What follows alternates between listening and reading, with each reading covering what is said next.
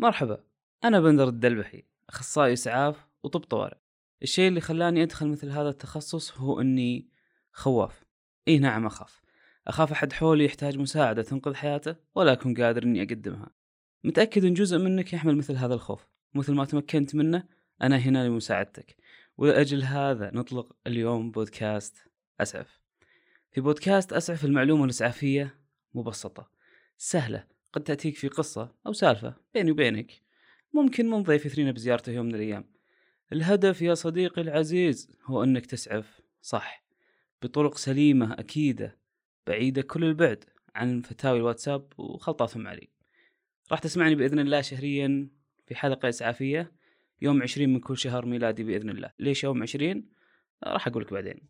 نقول بسم الله بسم الله.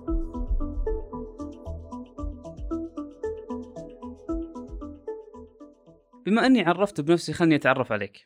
بسألك. تعرف أبو جاسم؟ أبو جاسم ذاك ما غيره. طيب خلني أوضح لك أكثر. تتابع مسلسلات كويتية؟ أيوه ذاك نفسه أبو جاسم ذاك اللي عصب على عياله أو وصله اتصال انها انباقت الشركة ما أدري إيش صار. وفجأة بوسط صارت القصر الفاخر اللي يسكنه حط إيده على صدره وطاح. وش فيه أبو جاسم؟ إيش رأيك؟ غالبا ان صاحبنا العزيز إصابته جلطة قلبية.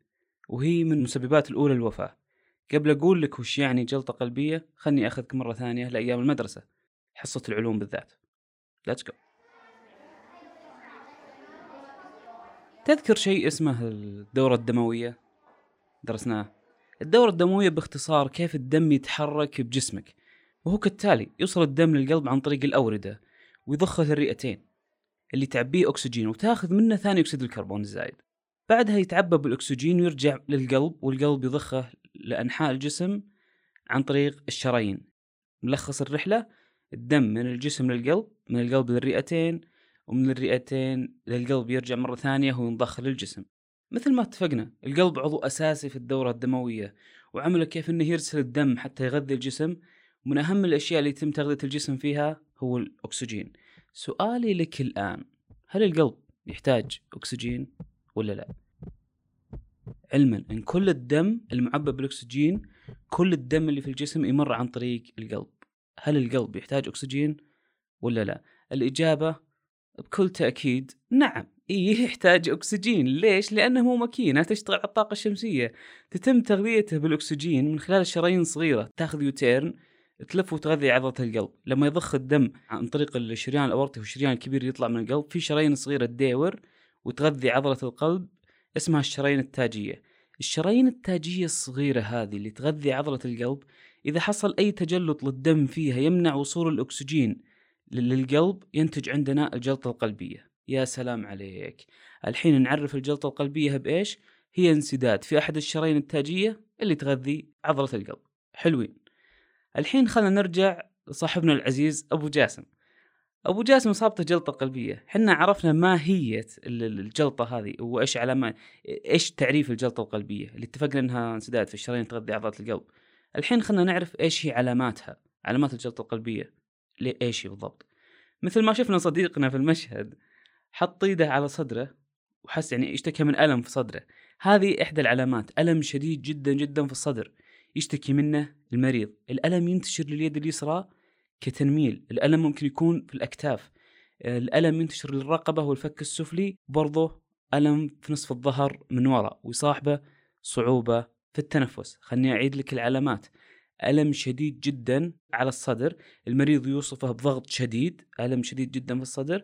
ينتشر الكتف واليد اليسرى. ممكن ينتشر الأكتاف الثنتين كلها كألم. الرقبة والفك السفلي والظهر من وراء المريض يشعر بصعوبة بالتنفس. اجين المريض المصاب بجلطة قلبية يشتكي من ألم شديد في الصدر يوصفه بالضغط على الصدر وكأنه يقول في سيارة واقفة على صدري. الألم شديد جدا أوكي؟ أه، ليش قاعد أكد لك على نقطة الضغط؟ لأنه ما راح ي... يعني إذا أنت حسيت بكرة ولا بعده بنغزات لا تخاف ترى عادي نغزات عادية تجينا كلنا.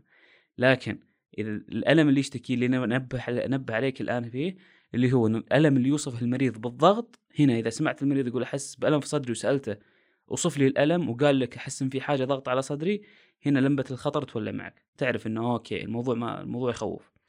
تمام. إحنا اتفقنا على علامات وعرفناها. العلامات مع مرضى السكري تختلف شوي. مرضى السكري آه لما يصابون بالجلطة القلبية لكن أحيانا بدون علامات واضحة. ليه؟ لأن مرضى السكري عندهم المرضى السكري اللي مرضى السكري خذ معهم سنين طويلة أعدم النهايات العصبية اللي ممكن تنبهنا بعلامة الألم. لذلك هو ما راح يحس بالألم مثل ما يحس بغيره.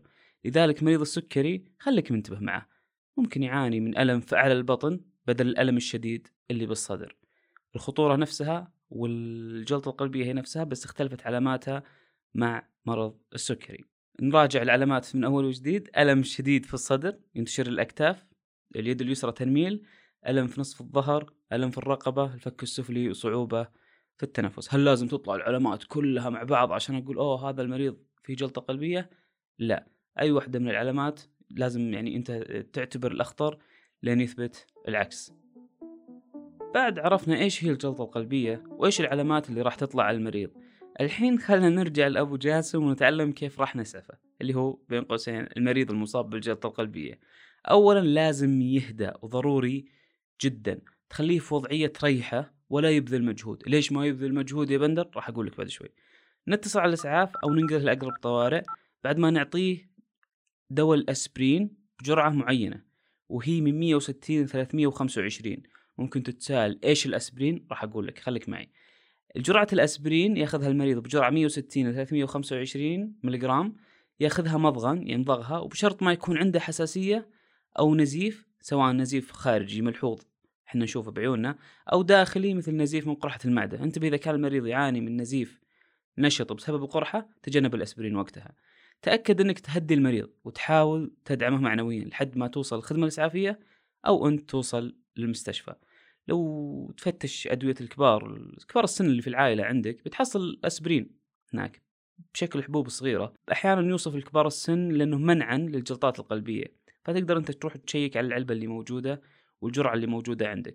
تقدر تعطي منها في حالات الجلطة القلبية إلى أربع حبات من جرعة الأطفال.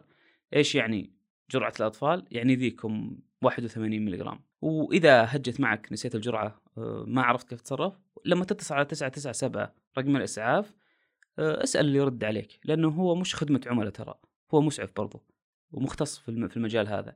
ممكن تسأله تقول أنا إيش أسوي؟ هو راح يدلك ويعلمك آه، بالأشياء اللي أنت تحتاجها.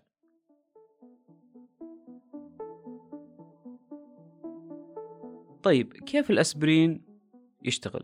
حنا اتفقنا إنه راح نستخدمه مع الجلطة القلبية اللي هي عبارة عن تجلط في إحدى شرايين القلب يمنع وصول الدم لعضلة القلب. خلني أضرب لك مثال. تخيل صار في حادث في الدائري الشمالي.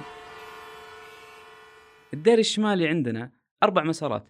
توقفت منه مسارين وباقي مسارين تمشي. إيش رأيك؟ هل راح يمشي الشارع بشكل أسرع ولا أبطأ بعد الحادث؟ أكيد بيكون أبطأ. لذلك قلت لك قبل شوي احرص أن المريض ما يبذل مجهود بدني. ليش؟ لأن قلبه راح ينبض أسرع وإذا نبض أسرع راح يطلب دم وأكسجين أكثر. وكيف راح يحصل؟ والشارع اللي يوصل له نصه مقفل نفس الفكرة على الشريان. الشريان يغذي عضلة القلب نصه مقفل بخثرة. نفس الفكرة مع الشارع. إذا نبض المريض قلبه بشكل أسرع بعد ما يبذل مجهود آه عالي راح ينبض قلبه أسرع راح يطلب أكسجين وأساسا الشريان اللي يوصل لعضلة القلب نصه مقفل فراح يدخلنا في مضاعفات حنا ما نبيها. تمام. الحين بسألك سؤال. الأسبرين كيف يشتغل؟ بنرجع لمثال الحادث اللي صار في الدائري الشمالي وتوقف نصه. نفس الفكرة صارت في الشريان اللي يغذي عضلة القلب وخثرة صغيرة قفلت نصه. لما يجي الأسبرين إيش راح يسوي فيها؟ فكر معي. بتقول إن الأسبرين راح يكسر الخثرة اللي قفلت الشريان الاجابه لا ما راح يكسر خثرة. الأسبرين راح يشتغل مثل رجل المرور اللي يجي يحرص إن المسارين الباقية ما تتقفل.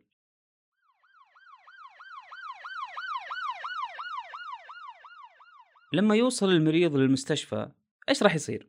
أول شيء يتأكدون إنه مصاب فعلا بجلطة قلبية. عن طريق تخطيط القلب وتحليل إنزيماته مع الأخذ بالاعتبار الألم اللي يعاني منه. إذا تأكد الموضوع راح يتم ارساله لعمل قسطره قلبية تعيد الشريان لحالته الطبيعية بإذن الله. العوامل اللي قد تسبب الإصابة بالجلطة القلبية منها التدخين، السمنة، وجود تاريخ مرضي بالجلطة القلبية، فشل القلب، ارتفاع الكوليسترول، ومرض السكري. في أشياء إحنا نقدر نسويها بحياتنا اليومية تمنع الإصابة بالجلطة القلبية وهي ممارسة الرياضة خصوصا الرياضات الهوائية سواء ركض سيكل سباحة. الإقلاع عن التدخين تجنب الضغوط النفسية الضغوط النفسية تواجهها يوميا تجنبها. خسارة الوزن الزائد بشكل صحي طبعا. إذا كنت مصاب بأحد الأمراض اللي ذكرت لا سمح الله تابع مع طبيبك. عن كثب واحرص على صحتك معه. في حال فقد المريض الوعي أبدأ بالإنعاش القلبي آه، الرئوي مباشرة لأن غالبا قلبه توقف وهذا الشيء اللي حنا ما نبيه. مريض يشتكي من علامات الجلطة القلبية وفجأة أغمى عليه. إيش راح يجي في بالك؟ يا سلام عليك الأمور ما تبشر بخير. راح تبدأ بالإنعاش القلبي الرئوي.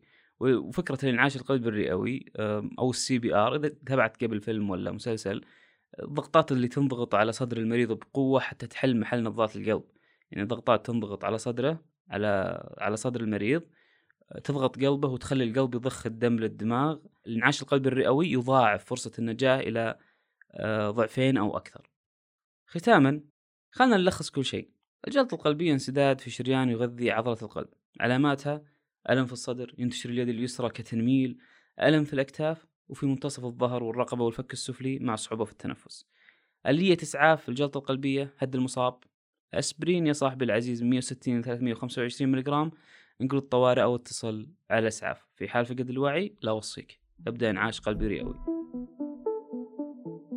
صديقي العزيز أتمنى أنك استفدت من موضوع اليوم. وحتى ما تفوت الحلقات القادمة تقدر تشترك بالبودكاست وتبقى على اطلاع في حال رغبت بالتواصل معي لأي استفسار أو اقتراح أنا في خدمتك. تقدر تتواصل معي على حسابي بتويتر اللي بيكون مرفق في الوصف AS3EF كان معك أخوك بندر الدلبحي من بودكاست أسعف. كن بخير.